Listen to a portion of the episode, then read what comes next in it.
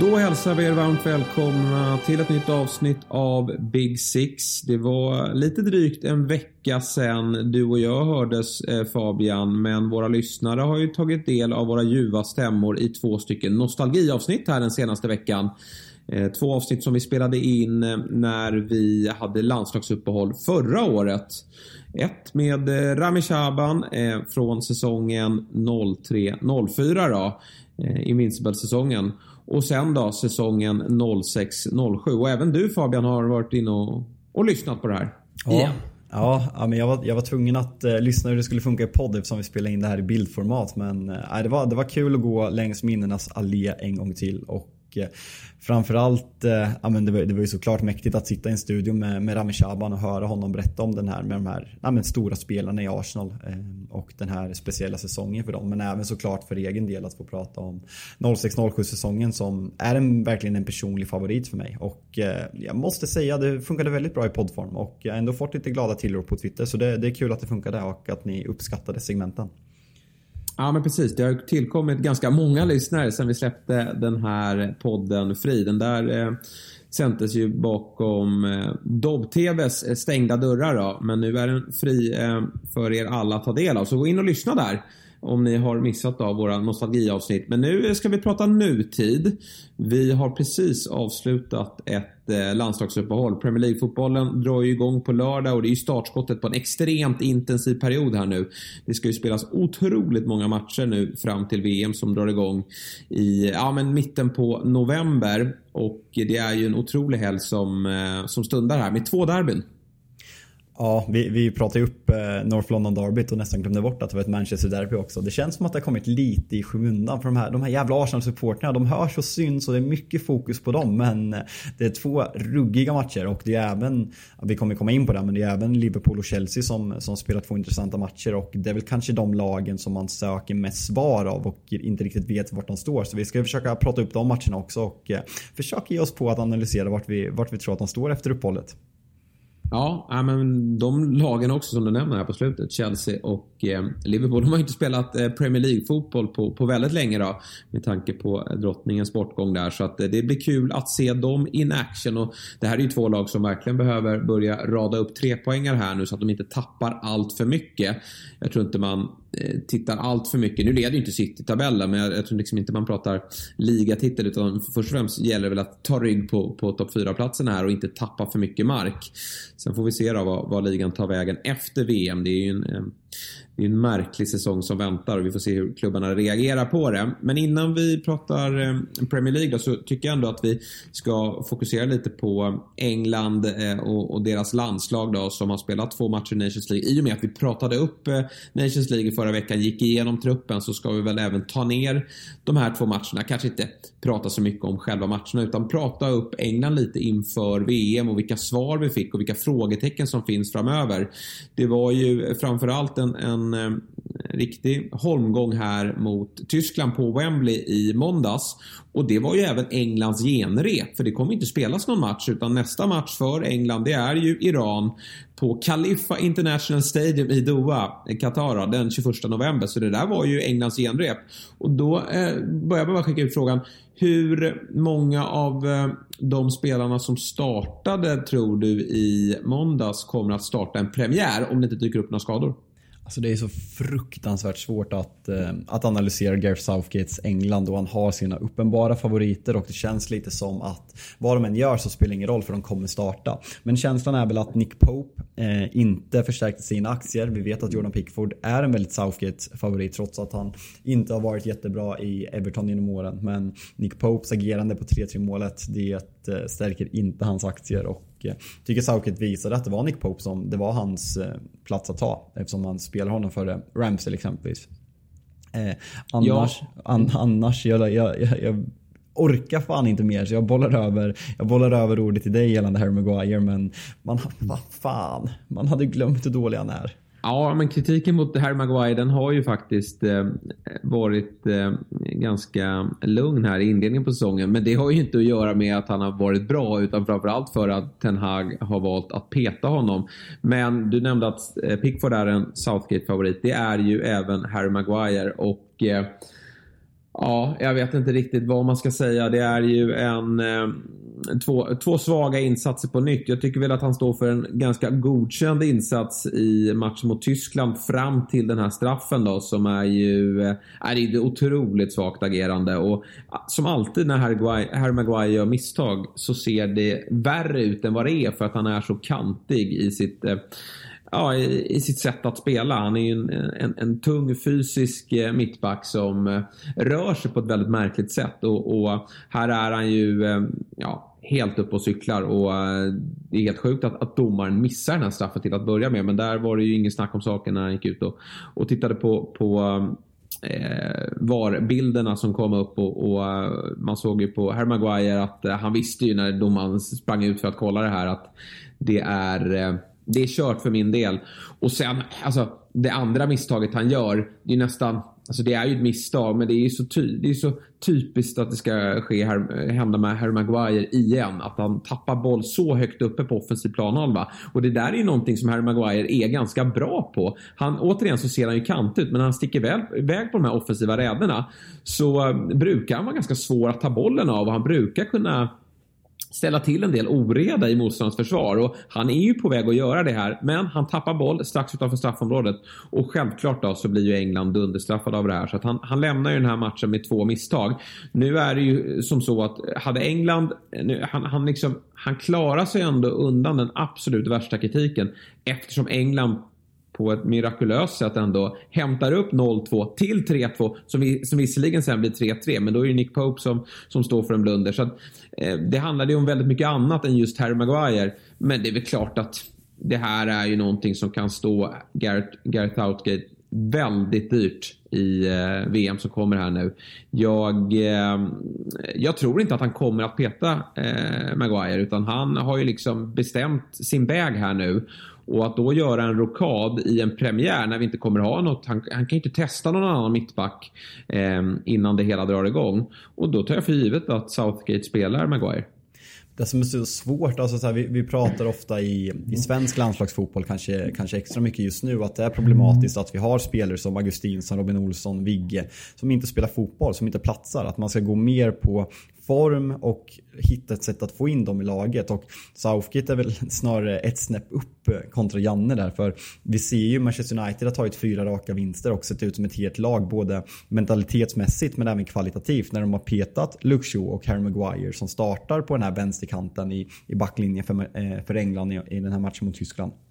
Men man har, alltså här, vi, vi ska inte gå till Trent. Att han är utanför, att han är utanför truppen det, det är helt sinnessjukt. Men vi, vi, vi behöver inte gå dit. Men när, när, vi har en, en, en mittback i Tomori som gör det bra ut och vecka, vecka ut och vecka in i Milan. Ett Milan som vann scudetton förra året och som hyllas unisont som en av Serie A's bästa mittbackar. Att han, att han sätts på läktaren den här matchen. Det, jag, så här, jag, jag, ska inte, jag kollar inte Milans alla matcher absolut. Men jag tycker att på något sätt att har man en sån kvalitativ mittback med fysik fysiken, med snabbheten. Hitta en plats till honom. I alla fall som en truppspelare för Eric Dyer. Han har testats, han är inte tillräckligt bra. Harry Maguire är inte tillräckligt bra. Eh, så att man inte hittar ett sätt att få in honom i laget. Samma sak med med Trent. Alltså, den är väl mer okej okay när man har Reece James, Kyle Walker och Trippier på samma position. Men just mittbackarna, kollar man Englands, Englands spelare där. John Stones, jag, jag, jag är ett fan av John Stones. Han är lite för skadebenägen men när han spelar och får, får en run of games så är han en jävligt bra mittback i Premier League. Men de andra är för dåliga så där måste man hitta någonting. Ja, och det finns inte så mycket tid att hitta någonting. Då. Nu ska det spelas många matcher, men han verkar inte gå särskilt mycket på vad som händer ute i klubblagen. Utan Southgate, han går mycket på vad de har presterat i, i sitt landslag. Och Ja, Harry Maguire gjorde ett bra EM förra sommaren och det är väl det han fortfarande lever på. Att han tycker att han är en, en bra legare, ledare. Nu har ju, alltså han har ju laborerat lite. Han har ju både spelat fyrback och femback. Nu verkar det som att det blir en, eller treback då ska jag väl säga, med, med väldigt offensiva wingbacks. Nu tror jag väl jag att det kommer bli en, en 3 4-3 för, eh, för Englands del. Och eh, jag tycker ju då att, eh, också måste man ju säga att när Southgate vet att det stormar mot honom att han då väljer att sätta Trent, som är ju det, det är ju den stora snackisen. Jag tycker också att det, det, är, inte, det är inte konstigt att Reece James startar på en wingback och, och Trent får stå åt sidan. Eh, när, när du har den konkurrensen så är inte det jättemärkligt, för det är väldigt tätt mellan de här två spelarna och då är det tydligt att Southgate föredrar Reece James eh, styrka i defensiven här. Men att han läktar honom att han, att han väljer att eh, få de rubrikerna emot sig eh, när han är så, när det är så omtalat och när han har fått så mycket kritik här den senaste tiden. Det tycker jag är, det är korkat gjort av honom. Sen måste, ju, sen måste man ju också hylla någonstans att eh, vi kritiserar ju oftast våra förbundskaptener i vårt land och det finns ju även tränare i andra lag som är populistiska och lyssnar till eh, supportrar och, och tyckare. Men det skiter ju Southgate fullständigt i så någonstans kanske han ska ha cred för det också. Men för mig är det givet i en i, eh, alltså, så som jag hade formerat det, om du väljer 3-4-3 då hade jag ju petat ner Reece James kanske på en hö höger mittback här som man ofta spelar i Chelsea. Då kritiserar man Chelsea för att han är en av tre mittbackar. Men det är ju, det är ju på grund av att man då tappar i slagstyrka på wingback-positionen. Det skulle man ju faktiskt inte göra här utan då skulle man ju kunna få ett övertag offensivt med Trent och Reece James. För tanken är ju att den, den yttre mitt, de två yttre mittbackarna, alltså den till vänster och den till höger, ska ju även fylla med upp i anfallen. Så man har ju fått ett jäkla, en jäkla fin högerkant här med både Reece James och Trent Alexander-Arnold. Sen hade man ju, ja nu, nu kan ju ut skadad men jag tycker att John Stones är given i en, i en eh, treback och det såg inte allt för farligt ut. Jag hade ju spelat honom centralt och sen hade jag ju eh, spelat då Tomori eller Erik Dyer eh, ute till vänster. Kanske inte optimala positioner för dem men eh, jag tycker ändå att eh, de är ju eh, bättre än vad eh, Harry Maguire är just nu. Sen till vänster tycker jag ändå att Luke Shaw eh, tog vara på den här möjligheten han fick. Eh, han, han, gör en bra landskamp och eh, med tanke på Chilwells fysiska eh, bekymmer så eh, spelar han nog till sig en startplats här i premiären trots att han inte spelar särskilt mycket fotboll i Manchester United det var absolut känslan. Shaw gör det bra och Shaw är även väldigt bra i EM och har gjort bra landskamper för England. Sen alltså så här, det är en intressant tanke det har och på något sätt det är Southgates uppdrag att få in de här spelarna i elvan. Jag vet ju att Southgate när han spelar den här, den här 5-3 backen hur mycket han värderar Kalle Walkers snabbhet defensivt i den där höger mittbackspositionen. Dock var han inte med mot Tyskland men i EM. För han är, han är så snabb så att de behöver den som att, för att Ja, men Eric Dyer och Harry Maguire är väldigt långsamma. Eh, så jag har svårt att se det ske men absolut en intressant tanke och fan det vattnas ju i munnen när man tänker på den högerkanten med Reece James och Trent. Sen, alltså så här, min frågeställning kring att känslan är att han har den här fembacken för att han inte har tillräckligt bra backar. För att Maguire behöver stå lågt för att inte synas. Eh, Eric Dyer behöver stå relativt lågt för att inte synas. Och då går man miste om extremt högkvalitativa anfallsspelare som sitter på bänken. Exempelvis Mason Mount tycker jag kommer in och gör det bra. Jag tycker Saka gör ett väldigt fint inhopp det här och, eh, och kanske spelar till sin startplats i premiären rent av.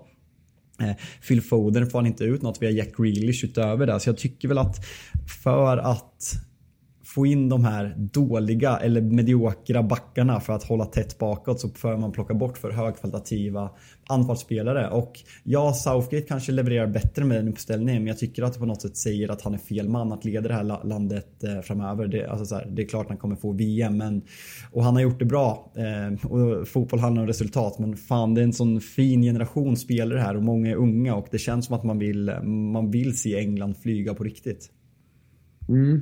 Nu är ju våra bekymmer om vi ska göra jämförelse med vårt egna landslag här hemma. Men det är lite samma eh, problem fast de är större hos oss såklart. Vi har inte lika stort urval. Men det är ju också att vi har offensivt skickliga spelare just nu i vår generation som kommer upp.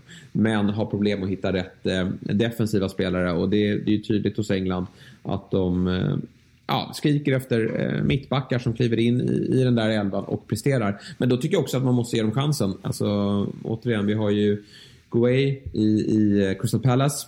Eh, och eh, vi har ju även eh, Tomori i Milan som man bara hör är otroligt bra. Jag ser inte Serie A särskilt ofta. Men som du är inne på, en av de absolut bästa enligt, enligt rapporter. Så att då borde ju de få chansen tycker jag. Men ja, vi får se vad som händer. Offensivt då, i alla fall tycker jag att ja, Kane behöver vi inte prata om. Han är så given man kan bli. Raheem Sterling tycker jag är är bra. Eh, han, han, eh, har ju haft en bra start också i Chelsea tycker jag. Han, han är... Eh, ja, men han, han river ju sönder motståndarnas försvar. Otroligt rörlig och är ju även ett hot framåt. Han är ju väldigt nära att göra 1-0. Jag tycker han gör det mesta rätt men, men Eh, Terstegen gör ju en otrolig eh, räddning där. Eh, sen är det plats med Foden får inte riktigt att lossna. Saka kommer in och gör ett bra inhopp. Mason Mount finns där också. Man hade gärna spelat, som du säger, ytterligare med en offensiv spelare men eh, det tror jag inte att Southgate kommer att göra. Eh, vem, vem, tycker du, eh, håller du med mig att Sterling eh, bör ha en startplats? Ja, jag tycker han är given i det engelska laget och kanske inte hur jag ser deras, eh, deras högsta nivå. Jag håller väl kanske både Phil Foden och Mason Mount framförallt eh, som bättre fotbollsspelare. Men jag tycker att Sterling, alltså så här, Kane är van att spela med Son och Sterling och Son är inte helt olika i den här, ja, men att de verkligen har, de de hittar de här luckorna och Kane kan hitta de här ytorna och droppa ner för att slå den i djupledet när Sterling har en superchans i den här matchen. Och eh, som du säger, den andra den andra platsen, jag säger att den är Sakas nu. För Foden, Grealish och eh, Mason Mount har inte fått det att lossna på samma sätt. De har klubb, eller klubblagen Jack Grealish, men de andra Eh, så jag säger att den är eh, att Saka startar, startar i VM-premiären. En annan spelare som jag tyckte gjorde platsen till sin som har hyllats unisont verkligen den här eh, senaste tiden är ju även Jude Bellingham som jag tycker att man får ett mer dynamiskt mittfält när man spelar Rice och Bellingham kontra Rice och Calvin Phillips och där, där känslan att det där kommer starta in, in i mittfältet i, i premiären också. Ja, men eh, vi är väl eh, ganska överens då. Eller vi är inte helt överens med Southgate, men vi är i alla fall lite överens kring hur startelvan eh, kan se ut då i den här premiären mot Iran. Sen kan det alltid dyka upp skador såklart. Och, men det känns som att på de offensiva platserna då, där, där, ja, det är bara Kane man absolut inte får tappa. Annars så finns det ganska bra konkurrens där. Men jag tror till exempel Jared Bowen, han fick ju Eh, också, han blev ju läktad här i, i sista matchen. Han har ju varit direkt kall här i, i säsongsinledningen. Där tror jag att eh, Sancho eller Rashford kommer att peta honom eh, i, i, en trupp här om de fortsätter att prestera i Manchester United under oktober månad. Mm. Nej, det blir ju verkligen, alltså det är det som också blir intressant med det här tajta spelschemat. Att det är så många platser som är up for grabs. Alltså så här, Trent är inte given igen. Alltså så här, han ska ha jävla cred för att han fortsätter köra och åker på de här samlingarna när han kan vara hemma på Melwood och träna istället för att sitta på läktaren på England. Men vill han visa eller börjar han tröttna? Men en spelare som Rashford och Sancho borde ju verkligen vilja, alltså nu är det all in för de vill åka till VM. De är, de är verkligen i en ålder när man vill spela de största mästerskapen och synas på de största scenerna. Och eh, jag är såklart färgad men om jag skulle ligga under en match i, i ett VM, VM-slutspel så släpper jag in eh, både Rashford och Sancho hellre än Jared Bowen för att dra ett exempel. Ja, definitivt är det så eh, just nu eh, hösten 2022 i alla fall. Men vi tar väl oss till Premier League då. Och börjar snacka upp de matcher som väntar. Det dyker ju alltid upp lite jobbiga skador under ett landslagsuppehåll jag noterade att den första matchen som spelades då, det var ju eh, Skottland-Ukraina och där blev ju eh, Evertons eh, unge och väldigt duktige högerback Patterson knäskadad. Det såg inte alls bra ut. Jag har inte sett några rapporter hur illa det där är. Men eh, när Everton äntligen har träffat rätt på högerbacken, eller träffat rätt på ytterbackspositionerna överlag tycker jag. Jag tycker även Mykolenko är väldigt fin på vänsterbacken och i, i Lampards sätt att spela med eh, de här wingbacksen så är de väldigt viktiga. Men eh, det såg inte bra ut för Pat Patterson och då får man väl liksom väcka liv i, i eh, Seamus Coleman igen. det, är så, det är så tragiskt när man kommer ifrån de här Coleman. Det känns som Leighton Baines skulle kunna hoppa in från läktaren också om det blir en skada till. Eh, jag läser här på några dåliga källor att det, att det verkar vara sex veckor. Så det är i stort sett fram till, eh, till VM. Ska dock säga att det är skönt att det inte var ännu längre. För känslan när man såg den var att det skulle kunna bli det. Och det är alltid, alltid läskigt med knän sådär. Men han har varit jävligt bra och eh, Everton har kommit igång. Och det, det är såklart att det, är en, att det är ett rejält blow för Everton. Så eh, frågan är vart man går härifrån. Eh, om, om det kommer påverka om, eller om man kommer fortsätta på sin, eh, på sin fina form. Ja, eh, men framförallt då defensiven som har imponerat i Everton och där har ju Patterson eh, minst sagt varit delaktig. Men eh, vi, vi börjar väl med eh, smällkarameller. Vi har ju två smällkarameller. En på lördag, en på söndag. Fint att de delar upp det så. Men först ut då. 13.30 eh, på lördag. North London Derby. Eh, Arsenal mot Tottenham Hotspur. Och det här kan ju bli en eh, riktig kanonmatch. Men det är ju en hel del bekymmer i hemmalaget. Eh, nu är det... Alltså nu har man inte fått de senaste rapporterna. Arteta kommer ju hålla presskonferens på Antingen torsdag eller, eller fredag då och då får vi väl lite koll på hur det står till. Men vi har ju alltså osäkerhet kring eh, Czerny, eh, Ben White, Tomiyasu, Sin Sinchenko, eh, Thomas Partey, eh, El Nenny och Smith Rowe. Sen var ju även Ödegaard eh, han missade ju matchen mot Brentford, men han lirade ju för landslaget så att där ska det inte vara några, eh, någon fara. Men vilka tapp det här är och i synnerhet då för, för defensiven. Fra, verkligen. Och eh, framförallt när det är ett sånt, eh, alltså vi pratar om att det var ett hett North London Derby när de slogs om Champions League förra året. Men nu pratar vi alltså ett North London Derby omgång 8 i Premier League när de ligger på första och tredje plats. Och det, det, har väl inte hänt under min livstid att, att båda de här lagen har verkligen slått, slagits om de här platserna och möter varandra så här tidigt i säsongen. Så det är extremt ja, och visst känns det, det känns som att den här matchen på något sätt är hetare trots att det är betydligt tidigare in på säsongen. Men, men, i, men i våras då var ju liksom, ja, nu är ju visserligen Arsenal skadeskjuten igen då, men då var ju verkligen känslan att det här kommer Spurs att vinna. De var ganska stora favoriter i den matchen. Men, men innan de här skadorna uppkom då så kändes det här väldigt ovisst på förhand. Ja, verkligen. Eh, och eh, vi pratade om Arsenal. Alltså det här är ju, Arsenal måste man up. Arsenal måste börja vinna de här matcherna. Sen har man fyra, fem av de här spelarna borta där Ben White, Sinchenko och Partey eh, i alla fall är ordinarie spelare. Det, det, är klart att det är en liten anledning om man tappar poäng. Men Arsenal, om man ska på riktigt börja utmana. Steg ett är att ta Champions League men även steg två börja ta kliv och utmana på riktigt. Så måste man börja vinna de här matcherna vilket man inte har gjort. Ska dock sägas att man har varit skapligt historiskt i North London Derbys framförallt på hemmaplan. Men just de här stormatcherna när man möter vi vet att Conte är ruggigt svårslagen i de här matcherna. Han, han sätter sin matchplan, han kan tajta till defensivt och han har ruggigt, ruggigt formstarka spelare offensivt. Harry Kane, Richarlison framförallt. Dejan har varit väldigt bra i, säsongspremiär, i säsongsinledningen och nu, nu Son som smäller in ett hattrick på, um, på en kvart sena. Så det, det, det är ett hungrigt jävla Spurs också. Så fan vad, det, det ska bli kul. Det, det är en match som har jävligt mycket på, för, på förhand. Ja, men definitivt. Eh, den viktigaste jag känner här, det är klart att nu, nu framförallt då, så ser man ju problem på ytterbackspositioner. Då. Czerny är ju alltid skadad, eh, men, men jag vet inte hur, hur illa det var här nu då. Eh, men, men han behövs ju på vänsterbacksplatsen i synnerhet om Sinchenko inte kommer till start. Då, då har de ju båda sina vänsterbackar out. Och sen på andra sidan då så har ju Ben White gjort det bra och Tomiyasu, han är också alltid skadad. Eh, så där, där, har man ju också problem om, om ingen av dem kommer till spel. Rob Holden kan ju kliva in eh, som mittback här och så får man väl flytta ut då Saliba kanske i, i den här Ben White-rollen.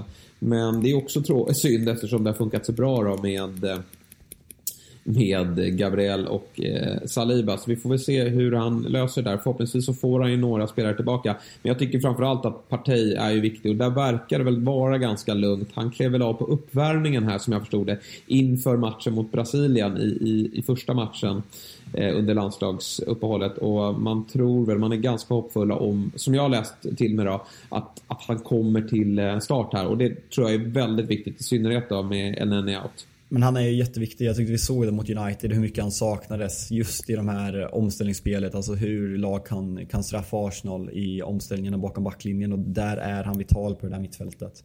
Men om vi, om vi snubblar över lite på Tottenham. Jag, du, du tweetade igår om att du, du hyllade Ljungbergs utveckling i studion. Om vi, om vi går in på hans eh, intervju med Dejan. Vad, vad fick du för intryck av, av Dejan?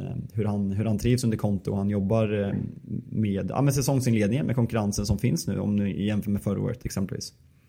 Nej, men han var väl ute i någon intervju innan den här också och sa att Antonio Conte är väl den bästa tränaren han har haft och han är inte den första som säger det. Men just det här hur han liksom, hans, eh, hur han motiverar spelarna, att det träffar rakt in i hjärtat och att man, man, eh, man är beredd att göra vad som helst för sin tränare och, och det är inte särskilt förvånande. Det är bara att se honom vid, vid eh, sidlinjen där. Eh, men, men också vad man har hört från, från tidigare klubbadresser att det här, eh, vi har ju att göra med en av världens absolut bästa tränare. Eh, ja, men jag tycker det var en väldigt fin stund här med eh, Fredrik Fredrik Ljungberg, vår tidigare storstjärna i Premier League och lite av hans arvtagare då, i, just Premier League. Och man märkte ju det, hade det varit någon annan form av journalist som hade ställt sig där, Niklas Jihde då, som också jobbar på Viaplay som är ju fantastiskt bra som, som programledare. Men, men han har ingen spelarkarriär bakom sig. Så att när, just när Fredrik Ljungberg då kliver in i ett rum och börjar prata med Kulusevski, då märker man att Kulusevski verkligen är lyhörd och, och lyssnar. Och man märker att Ljungberg har gjort jobbet här och, och analyserat eh, Kulusevskis eh, säsongsinledning. Och, och, det som jag tycker då eh, sticker ut, det, dels är ju hur hårt Kulusevski har jobbat. Och det har ju varit ganska tydligt med också, riktat kritik mot hur många, ja men det har ju varit en het potatis i, de senaste veckorna att, att eh, svensk fotboll har halkat på efterkälken. Och att vi inte får fram tillräckligt bra spelare. Och han, han är inne på Kulusevski att han, att han eh, oftast, det är det man får höra från de absolut största eh, spelarna, det är ju att hur mycket hårdare de har jobbat, hur mycket mer de har tränat. Och Kulusevski pratar ju då om att Ja, men de pratar om hans inläggsspel som har varit så framgångsrikt. Vi, vi såg det här målet mot Leicester hur han eh, stenhårt med sin vänsterfot skickar inlägget mot Harry Kane.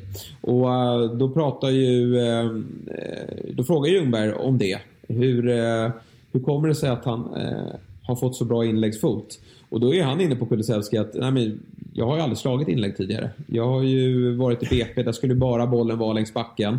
Och äh, även i, i, sina italienska klubbar så har han inte nyttjat det. Men i, i äh, Spurs då, när han kommer från sin högerkant så han kan ju både gå på, på insida och utsida om sin back. Men, men just det här inläggsspelet på bortre stolpen där han framförallt vill söka Perisic men också där Harry Kane kan dyka upp. Det har ju blivit ett dödligt vapen. Och eh, man märker på att hur han lös upp när han fick berätta då hur hårt han har jobbat eh, med det. Sen berättar han ju också att han har jobbat väldigt mycket med sin högerfot. Just för att går han på utsidan av backen så vill han ju också kunna slå inspel från kortsida och snett inåt bakåt. Han säger det, det är alltid den passningen han söker. Snett inåt bakåt, vilket han även gjorde i matchen igår. Då blev ju, var han ju dock avvinkad för offside när han slog den snett inåt bakåt till Robin Quaison. Men det gjorde han ju också på ett väldigt bra sätt. Så han har ju jobbat med sina två inläggsfötter här under sommaren. Och det har ju verkligen gett resultat. Det är det som är häftigt också när du tar en sån spelare som Dejan som när han kom fram i Parma så var ju han verkligen nummer ett och han skulle vara den här som driver upp bollen längs högerkanten, skär in och lägger den i, i steget med sin styrka. Men som, som, du säger, hur snabbt han har anpassat sig till att nej men, nu vara 3-4 i picking orden bakom två superstjärnor i Kane och sånt. Och man, man märker verkligen det här. Det är som, Vigge har ju alltid kallat Iceman och Mentality Monster, vilket jag personligen aldrig, aldrig har sett. Men när man ser den här intervjun med, med Dejan, då, då fattar man verkligen alltså så här, vilken, vilken jävla inställning han har. Och liksom, hur snabbt han har anpassat spelet och han kom, man glömmer lätt att han nej men, i januari förra året, jag var jättekritisk till värvningen för de pengarna. Eh, hur han kommer från ett destruktiv, destruktivt Juventus under, under eh, hade han Pirlo eller var det bara, det var både Pirlo och eh, Allegri? Ja, han hade ju Allegri också, ja. Eh, ja, men han kommer från en väldigt destruktiv situation där han inte fick chansen och han fick inget förtroende i ett dysfunktionellt lag som spelar väldigt ja, men daterad fotboll och att, att han så snabbt har anpassat sig och eh, underminerat sig till två, så, två så stora stjärnor. Jag tycker ja, men det är så jävla häftigt. Och, uh, och det, var, det var kul, alltså så här, Viaplays take där. Det är inte ofta man ser en sån stor fotbollsspelare stå och dela med sig så mycket och bli så personlig och skina upp. Det är så här, Zlatan har ju aldrig stått så där och förklarat sitt spel framför, framför någon från tidigare generationen. Så det var, det var en häftig studiosändning igår. Nej, och framförallt inte med Fredrik Ljungberg. Det är väl inte hans favorit. Men, men, eh, men också så tar ju vet Ljungberg upp lite, han tar upp gamla bilder också från matchen på Anfield. Eh, och så tar han upp några poäng, eh, vet några bolltapp som Kulusevski står för. Och då, då säger ju Kulusevski, ja men kolla på kontot, han är helt galen på mig när jag tappar boll. Men jag älskar de där lägena när, som är omöjliga att försöka ta mig ur det. Och det är ju lite av Kulusevskis specialitet. Man tror ju att han ska tappa bollen i många, många lägen. Men han lyckas liksom eh, ta sig igenom de här motläggen och, och, och ta sig förbi eh, flertalet spelare. Så att, eh, det, var en, det var en riktigt fin stund tycker jag. Eh, och den, den finns ju att ta del av eh, på eh, Viaplays eh, hemsida såklart, sociala medier också. Eh, där måste ni eh, faktiskt, den tycker jag ni ska klicka in er och, och, och kolla på eh, när då Ljungberg och Kulusevski pratar om hans eh, vår, eh, men då, eller höst. Då är bara frågan då, kommer han starta här nu då på, eh, på lördag? Eh, Richarlison hade kanske Eh, någon sämre match här i slutet innan landslagsuppehållet men han har ju åkt till Brasilien och, och bombat in kassar. Eh, och det är ju mellan de två det står emellan nu va. När Son också är igång. Gjorde ju ett fantastiskt frisparksmål här för sitt Sydkorea. Men framförallt har stod för eh, ett hattrick mot Leicester senast. Alltså jag skulle ändå magkänslan säga att han startar med, med tanke på att det är en bortamatch. Hade han spelat hemma tror jag att Richarlison hade startat. Och eh, känslan är mellan de där två att det går inte att förutse. Eh, att Kane och Son kommer starta känns som givet framförallt efter Sons hattrick och även bra prestation med landslaget. Men mellan Dejan och Richarlison, man har ju gissat och gissat eh, fram och tillbaka egentligen hela säsongen och det känns som man haft fel varje match. Så man borde nästan gissa på Richarlison för att man får Dejan. Men det känns som, det känns som en match som passar Dejan väldigt mycket och hans mentalitet i de här derbyna tror jag att eh, betyder mycket. Hans arbetsmoral på plan, på bortaplan på Emirates tror jag skulle vara jätteviktig för Spurs. Vad tror du? Mm.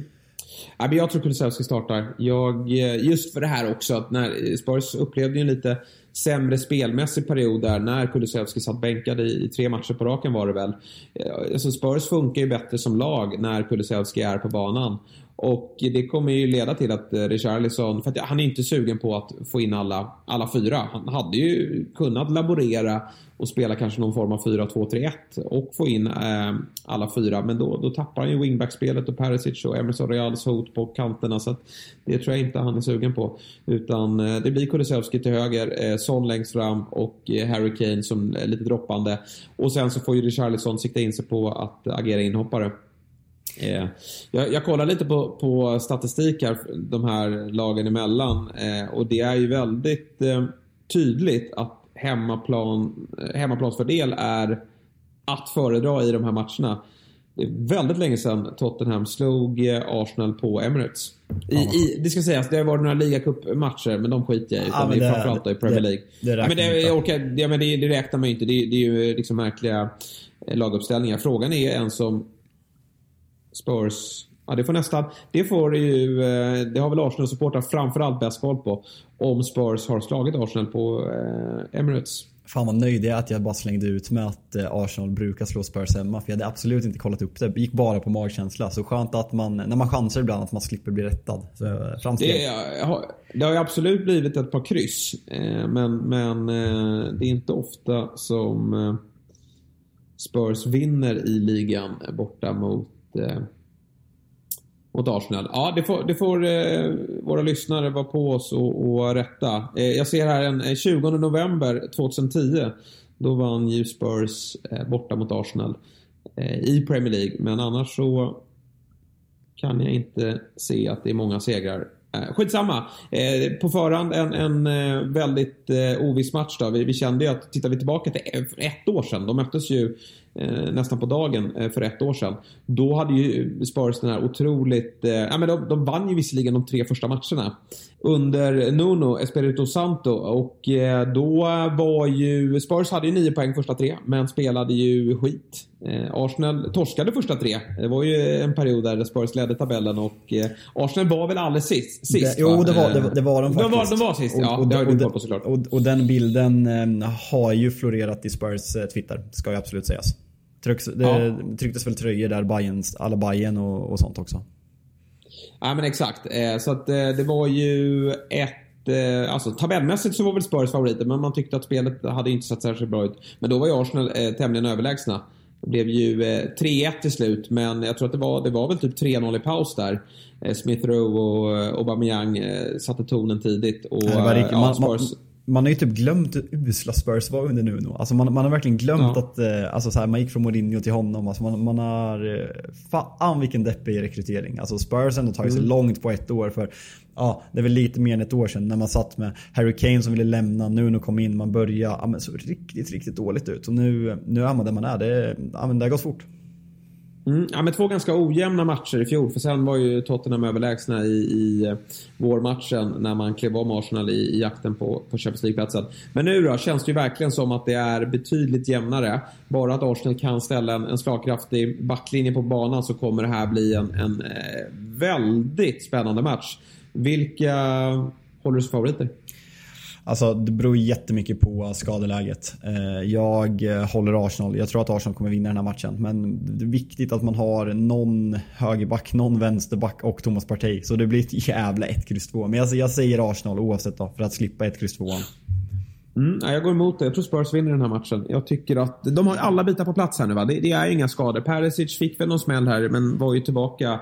Och, och, det ska inte vara några problem här. Och jag tycker att elvan känns, den känns given. Och sen har man även Richarlison att slänga in här. Son är igång. Han kommer att leverera här och eh, Kulusevski kommer att gilla sin yta ute till höger. I synnerhet om Arsenal inte får någon vänsterback på banan här nu. Eh, Eh, kan ju bli Cedric som, som kliver ut till vänster. Och då kan eh, Kulusevski ha riktigt trevligt. Så att, ja, vi får se vem som får rätt av oss då. Men jag, jag, jag tror Spurs vinner. Ja, det blir, det blir kul att se. Hoppas självklart på krysset för United börjar komma riktigt hungriga där bakom. Big Six är väldigt glada över att vi har ett samarbete tillsammans med ATG.se och vi lovar ju speltips inför varje omgång och nu är det dags för första segern. Fabbe, nu ska vi rätta ditt spel och få pengar tillbaka här framåt söndag. Ja exakt. Tredje gången gilt som det så vackert heter. Och eh, nu har man ju faktiskt haft sin tid här att läsa på eh, under det stundande landslagsuppehållet. Så jag känner här att eh, jag har gjort jobbet, kollat statistik och eh, kommit fram till en trippel som vi helt enkelt ska lägga i, eh, till helgen. Och den lyder så här att eh, Leeds tar emot Aston Villa Eh, och här kommer såklart båda lagen göra mål. Utöver det så är det faktiskt dags för Leicester att eh, klättra upp från den här jumboplatsen. Man har en väldigt passande uppgift mot Nottingham på hemmaplan. Man har fått tid under uppehållet och eh, pratat ihop sig, tränat ihop. Det är fan inte många i det där laget som får spela landslag efter deras haveriinledning. Så det, det har varit nyttigt för dem. 1,77 för raka ettan på Leicester. Och sen har jag faktiskt valt att gå på lite historisk statistik här. Och eh, Chelsea har alltså vunnit sex raka matcher mot Crystal Palace. Eh, och eh, tvåan lockar väldigt mycket till 1,84.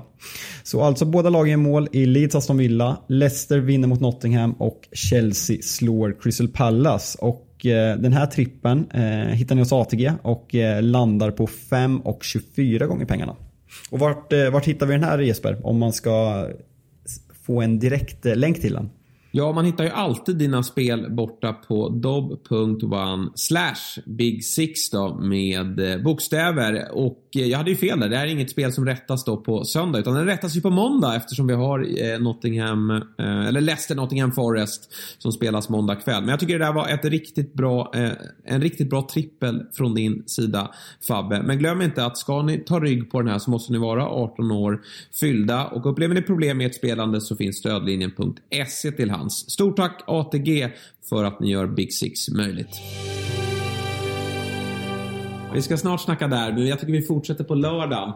För då är det dags för Liverpool att spela eh, Premier League igen. Det var ju ett tag eh, sedan senast.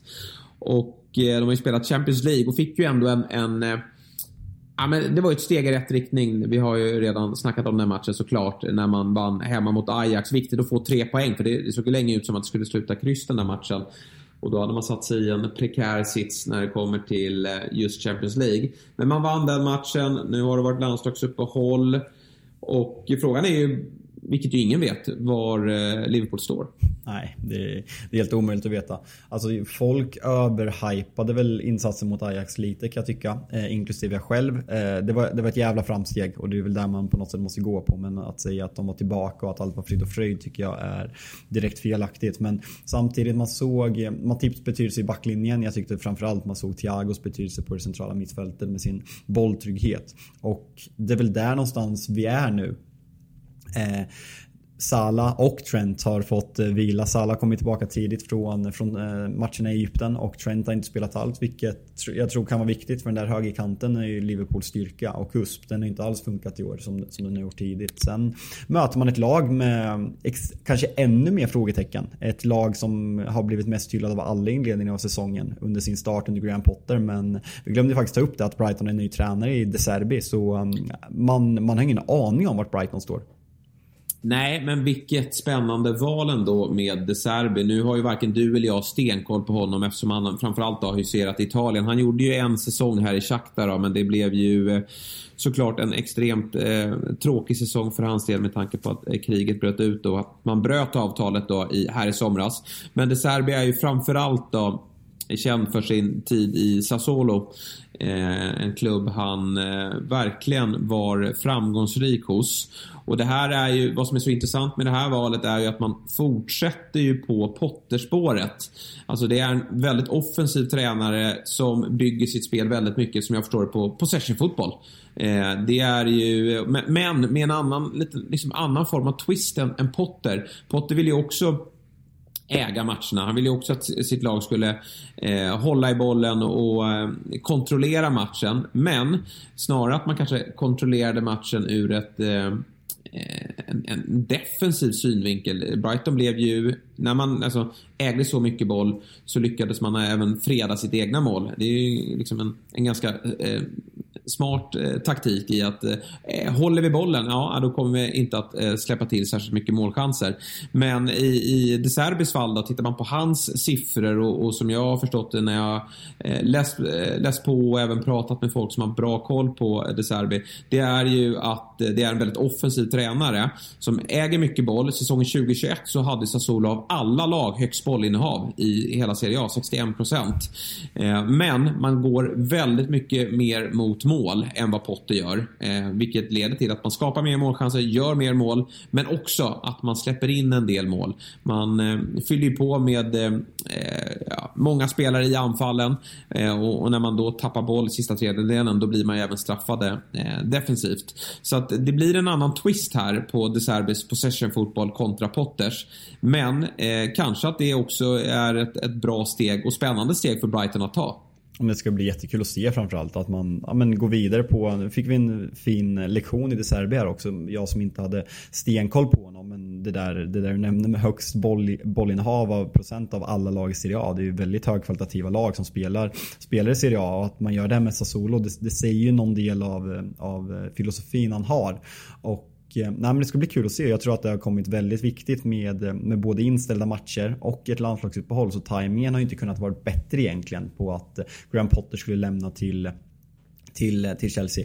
För att eh, nu har han fått ja, men, närmare två och en halv, tre veckor med laget och kunnat sätta sin prägel på det. Och känslan är att Graham Potter har ju byggt ett lag och de är drillade att ha en possession fotboll. han har gjort liksom ja, men, eh, Dunken och, eh, och spelare sådana som, så att de kan passa en fotboll och hålla ett possession-spel. Så det, ja, men det, det, ska bli skitspännande. Man ser fram emot den här matchen väldigt mycket. På, ja, men, så här, ja. Mm.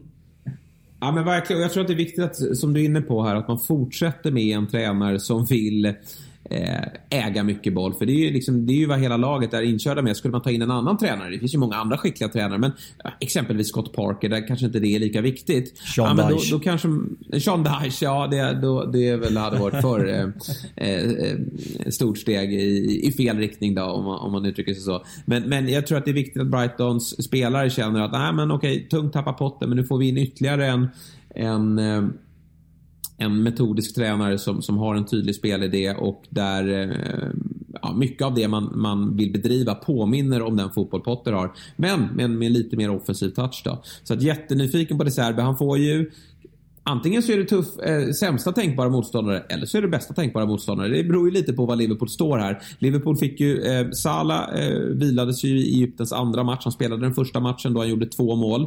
Trent då fick ju vilan här i, eh, som vi vet, mot, mot Tyskland. Så att eh, en, en del utvilade spelare. Robertson har ju varit knäskadad, vet inte status på honom. Han har ju inte gått att känna igen här i säsongsinledningen men eh, bör väl vara tillbaka den här matchen och kan han hitta tillbaka till den form ja, han alltid eh, brukar ha så, så eh, är det såklart ett, ett eh, tillskott.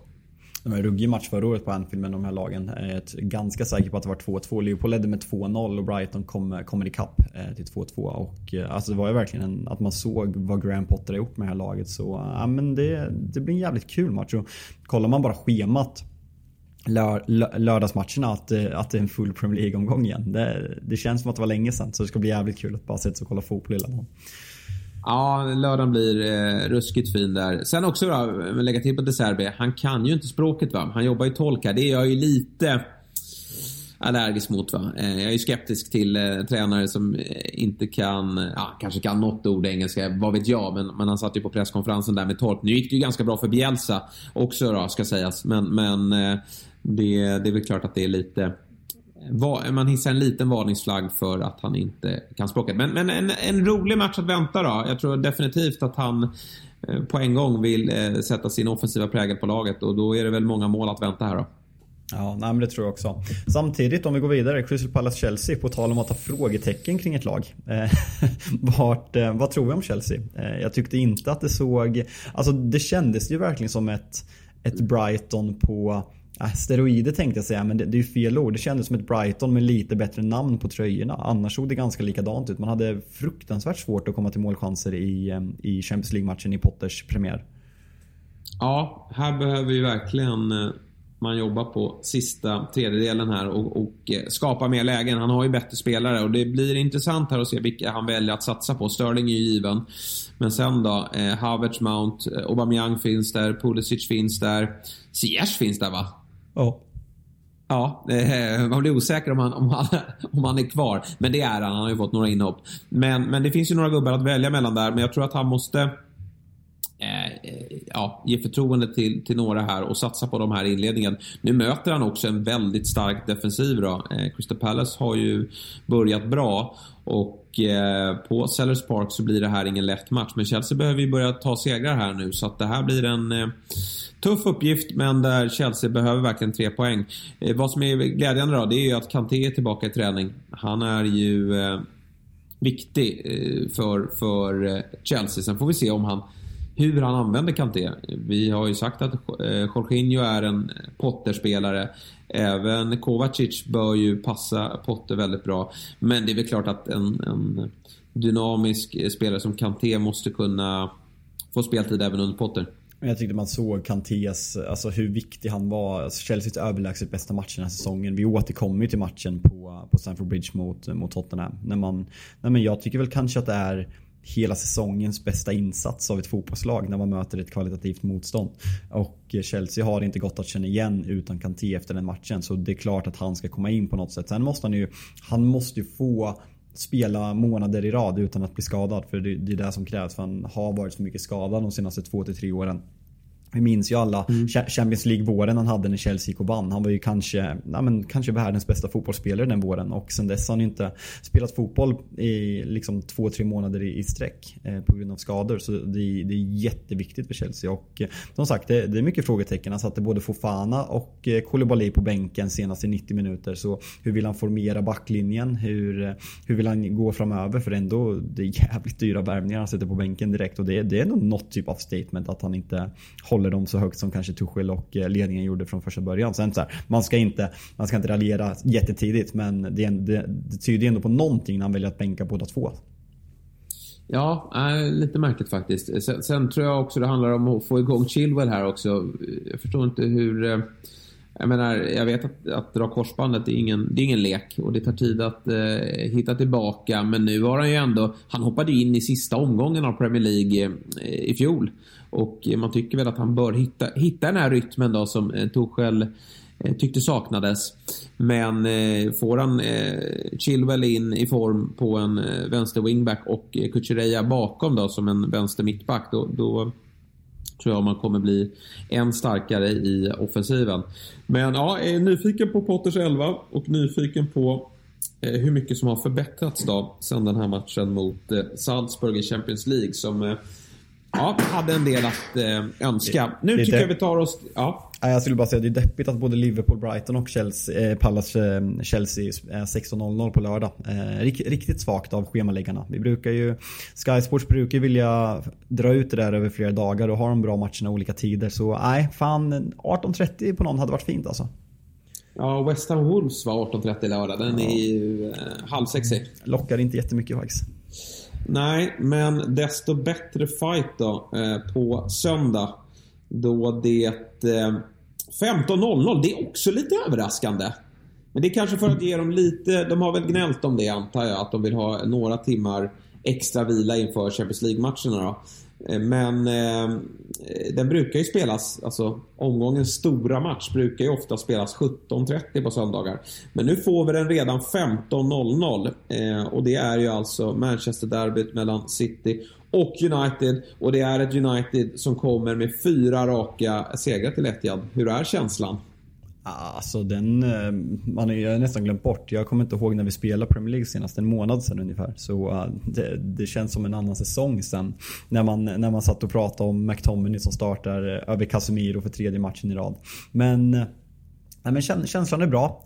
Jag tror att precis som jag sa med Brighton och Liverpool och Chelsea så har det här uppehållet kommit väldigt lägligt för Erik Ten Hag. Vi värvade många spelare väldigt sent i Anthony och Casemiro kanske framförallt. Så att vi får mer tid att att eh, sätta Erik Ten Hags nya spelsystem. Sen, alltså så här, vi möter världens bästa lag på bortaplan. Det är klart Manchester City är jättestora favoriter. Jag tror man stod eh, i 1.34 bortåt hos eh, ATG och det säger väl någonting om maktbalansen hur det ser ut i stan. Vilket såklart är jävligt deppigt men eh, jag tycker United har visat i både matcherna mot Arsenal och Liverpool att man kan, man kan sätta ett försvarsspel bättre än tidigare. Eh, Erik Ten Hag kan anpassa spelet bättre efter när man möter hö, eh, mer kvalificerat motstånd och utnyttja styrkorna. Jag tycker att det är väldigt viktigt att Rashford har varit skadad men eh, ryktas, läste i Daily Mail nu som ska sägas en pissig eh, tabloid. Men att han eh, förhoppningsvis är tillbaka till, eh, till på söndag. Och det, det, tycker jag är jätteviktigt. För kan man ställa upp med Sancho, Rashford och Anthony mot Citys eh, backlinje. För det, det, är bakom Citys backlinje man kan straffa dem. Det är många lag som har gjort det genom åren. Då, det är det hoppet som finns egentligen.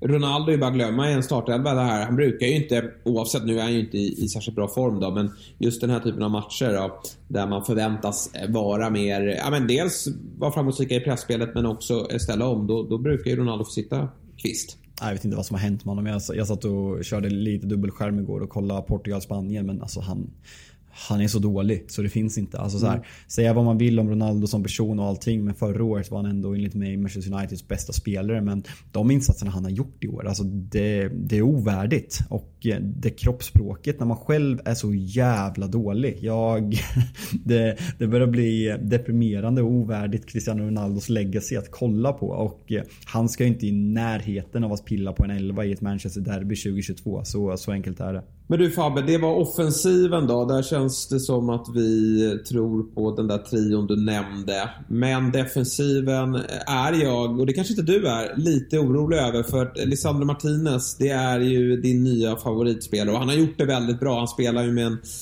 en, en eh, härlig energi och eh, frenesi.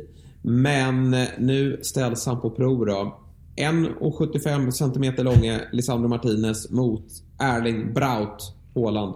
Hur fan ska det gå? Inte orolig. Inte orolig. Nej, du är inte det. Han kommer hoppa ner i fickan. Haaland är slut nu. Nollad mot, ja. Eh, ja. nollad mot Serbien. Ut i Nations ja. League. Knäckt. Mm. Nej, men det, det, är så, det är såklart att Uniteds försvar har hyllats. Jag tycker Malaysia har kommit in och gjort det bra. Har väl lite frågetecken kring positionsspelet defensivt. Också, också en liten spelare ska sägas. Ja, verkligen. Och Dalot. Tvåmålsskytt för Portugal. Är det som händer? Ja. Stekhet. Ja, nej, men det är ju mm. framförallt mm. mittbacksparet med Varann och Martinez som har gjort att man ja, men på något sätt har fått upp hoppet. För det är fan länge sedan United hade ett bra mittbackspar som har funkat. Det har varit Smalling och Jones, det har varit Maguire, det har varit Bajy, alltså fan vad det, Vigge. Deppiga spelare överlag och det var länge sedan. Det var ju sen, sen Rio och Vidic tider. Det var, nu, ska jag inte, nu ska jag inte gå upp dit och den hybrisen men det känns som att vi har ett bra mittbackspar för första gången på väldigt länge. Men som sagt, vi, nu, sätts de på, nu ställs de på prov på riktigt och eh, Manchester Citys rörliga anfallsspel. Jag, jag eh, ska, Bernardo Silva till höger, Phil Foden till vänster och, och eh, Haaland mot dem centralt. Och eh, känslan är ju verkligen att eh, kollar man på Brentfords matchplan hur, hur de gjorde att Tony tog nickduellerna mot Lisandro Martinez. Att man verkligen gick, gick mot honom hela tiden. Jag har svårt att se att inte City, jag tror City kommer slå mer inlägg än vad man kanske någonsin gjort. Kanske framförallt från Phil Foden och eh, Cancelos vänsterkant. Att eh, Haaland går på bortre som eh, Lisandro Martinez spelar vänster mittback. Så kommer, kommer man se City slå med inlägg så blir jag absolut inte förvånad. Nej, Malaysia 1,69 här. Det känns som att eh, Cancelo ska söka den bortre stolpen. Eh, och där ska Haaland vara. Det, det, det känns som att det, det, är någonting Pep kommer prata om här i, i veckan när eh, United förväntas stå lågt och City väntar så mycket boll. Då. Eh, cent, ja, vi har pratat anfall, vi har pratat backlinje. Centralt mittfält då. Casemiro, två starter för Brasilien här under eh, landslagets eh, två matcher. Eh, vad eh, blir det första starten i Premier League här för honom? Nej, det tror jag faktiskt inte. Eh, ska, ska, ut, alltså så här, utöver att vi har världens två bästa mittbackar i Lisandro Martinez och Rafael Varane så har vi även just nu världens bästa defensiva mittfältare i Scott McTominay. Som... Ja. Eh, Från ingenstans? nej, han ska ingenstans. Nej, men alltså så här, det, lå, det, det, låter helt sjukt att Scott McTominay kommer förmodligen peta Casemiro igen men han, de här fyra matcherna, fyra raka vinsterna, har varit en av våra absolut bästa spelare. Och eh, dessutom att Casemiro har den här långa resan. Eller fan, kör de träningsmatcher någon annanstans kanske. Man möter väl Tunisien nu så man kanske inte har varit i Sydamerika. Jag har faktiskt inte, inte koll på det. Men eh, känslan är, jag tycker Erik Ten Hag, så här, Låt oss säga så här, Casemiro måste komma in i elvan hur bra McTominay än är. För Casemiro är värvad för att starta. Han är en av världens bästa på den positionen. Men jag kan ändå ha respekt att att Erik Den Haag spelar Scott McTominay när han har varit så bra och skiter i att han heter Scott McTominay och inte Casemiro. Det, det kan jag ändå uppskatta. Eh, sen, ja, alltså så här, ja, jag vet inte fan långsiktigt men det är, en, det är en konstig situation och folk tycker säkert att jag är dum i huvudet när jag, när jag tror att han startar men jag tror verkligen det. Jag eh, tycker tycker att man kanske skulle testa eh, McTominay och Casemiro bänka Bruno Fernandes och låta eh, Christian Eriksen vara spets på det här mittfältet. Ja, jag är inte alls, jag är inte alls emot tanken. Sen ska det sägas att jag tycker Christian Eriksen, eh, alltså han får knappt till, han har fått extremt mycket cred. Eh, jag tycker knappt att han får tillräckligt mycket cred för han, i grund och botten har han aldrig spelat i den här positionen som relativt lågt liggande mittfältare och hans, hans passningsfot, vi har inte haft en sån passningsfot på det centrala mittfältet sen, sen Michael Carricks tider. Och eh, det är fan länge sedan.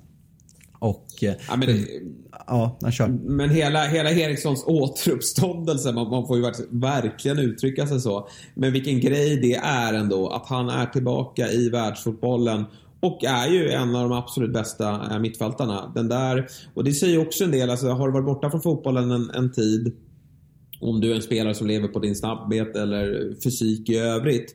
Ja, men då kanske du går ner några steg. Men Christian Eriksens styrka har ju alltid varit hans fötter och spelförståelse. Och det tappar han ju inte.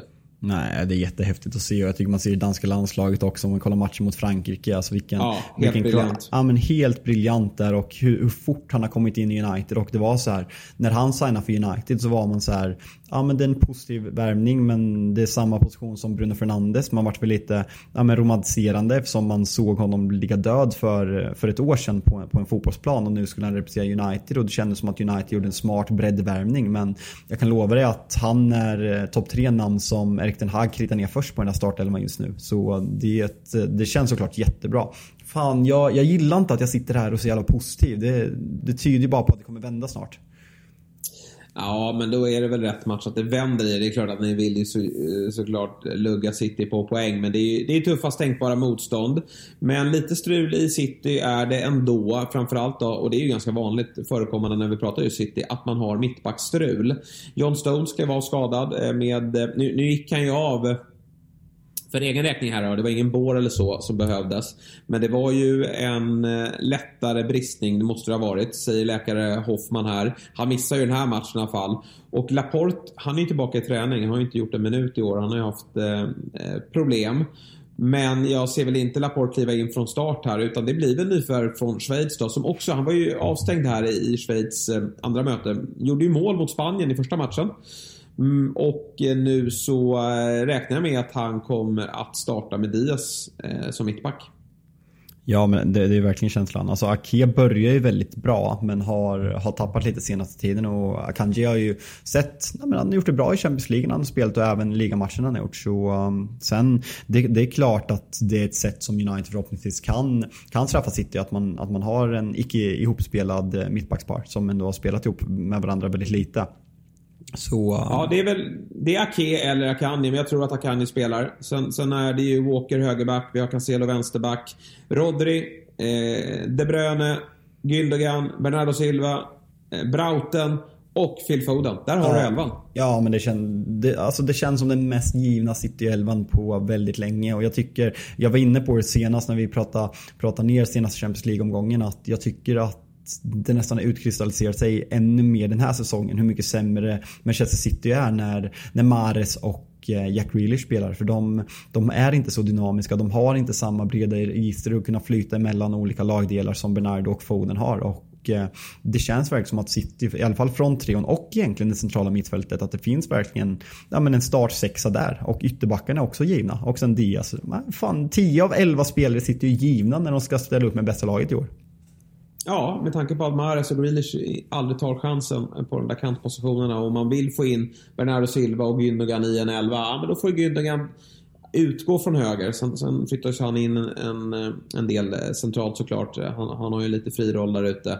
Och då känns City vrålstarka. Sen har ju de Köpenhamn i veckan. Nu har ju de, står ju City på 6 poäng i Champions League. Eh, har ett dubbelmöte mot eh, Köpenhamn. Ska ju inte vara några som helst problem. Så det är ju fullt fokus här på att fortsätta Stormar på i ligan. Och, och när man pratar City då är känslan att de leder tabellen med, med, med, fem poäng. Men det gör de ju absolut inte. Det är Arsenal som toppar den här tabellen. Så det är inte som så att City har ju redan gått på två miner i år. Och eh, man, man eh, måste ju ånga på här nu innan uppehållet för att ge sig en, en, en bra situation. Jag tror City känner att vi är nog det laget som eh, är bäst. Och i synnerhet då när vår största utmanare Liverpool eh, inte riktigt kommer upp i nivå.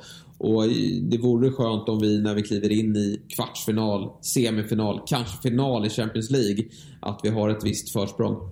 Ja, verkligen. Sen är det så kul att jag, jag sitter och är positiv till Uniteds elva, formen på spelarna. Sen går man igenom Citys elva. Det är, det är liksom en mittback annars inte en enda spelare i United nära på plats i den där City-elvan. Så det, det, det, är klart det blir en tuff, tuff eh, uppgift på söndag. Ska, ska även säga att vi, eh, vi nämnde inte det med Liverpool men det är en jätteviktig match för Liverpool för man glömmer ju lätt Liverpools eh, svaga inledning att man har haft väldigt lätt schema. Efter matchen mot Brighton så väntar alltså Arsenal borta och City hemma. Tappar man poäng här, låter City och eventuellt Arsenal eller Spurs springa iväg ännu mer och sen så ska åka till Emirates och sen ta emot City på Anfield. Uff, det kan bli tufft alltså. Mm, nej, verkligen. Sen börjar Liverpools eh, tuffa schema och möter kanske de lagen som har imponerat mest offensivt i år. Så att eh, det, det är dags för Liverpool att få ordning på, på defensiven men, men också eh, få, få spelare i form då, vilket man inte har eh, haft under eh, inledningen. Men du, eh, vad kul det ska bli med eh, Premier League igen och hela oktober blir ju underbar. Ja, det, vi, vi, sa ju någon gång senast att, att det var match var 3,1 dag från och med tre veckor sedan och nu känns det som att eh, det är snittet att eh, match mer än var 3,1 dag. För mm. nej, men det känns det midweeks hela vägen in till, eh, till VM-uppehållet. Så det, det, är klart att man är ruskigt taggad och eh, som jag var inne på förut, lördag, jag tror att det är sju eller åtta matcher på lördag. Det, det ska bli helt fantastiskt att bara slippa de här jävla landslagen. Folk får kräka så mycket de vill på att folk tycker det är tråkigt med landslagsutbal. Men jag, Nations League, jag hatar skiten. Eh, så nu, mm. nu ska vi tillbaka till Premier League och det ska bli så jävla skönt. Ja, det, det ska bli riktigt kul. Bra så Fabbe. Det eh, blir väl ett nytt avsnitt då framåt. Vi får se om vi spelar in söndag kväll eller måndag. Men vi lovar i alla fall att släppa ett avsnitt under måndag. Ja, nej, men det tycker jag. Och jag säger som jag sa sist. Senast var det väl United mötte, mötte Arsenal eller om det var Liverpool. Eh, om vi spelar in söndag beror såklart på resultatet. Ja, precis. Ja, då, då blir det ju måndag. ja, ja, ja, garanterat. Eller hur? Det, det lär ju bli så. Jag håller City som stora favoriter mot United. Men man ska absolut ha Uniteds omställningsspel i eh, åtanke här. De eh, är eh, rappa där, men jag tror faktiskt att nyckeln, nyckeln ligger här i att peta Bruno Fernandes och stärka upp det centrala mittfältet med, med Casemiro här. Vi får se hur Ten Hag tänker.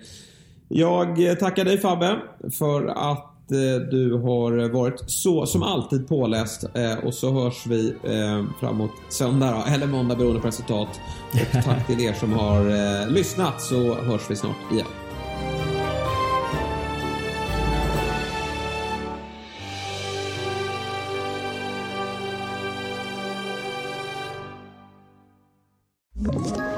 Ett poddtips från Podplay. I fallen jag aldrig glömmer djupdyker Hasse Aro i arbetet bakom några av Sveriges mest uppseendeväckande brottsutredningar. Går vi in med hemlig telefonavlyssning och, och då upplever vi att vi får en total förändring av hans beteende. Vad är det som händer nu? Vem är det som läcker? Och så säger han att jag är kriminell, jag har varit kriminell i hela mitt liv men att mörda ett barn, där går min gräns. Nya säsongen av Fallen jag aldrig glömmer på Podplay.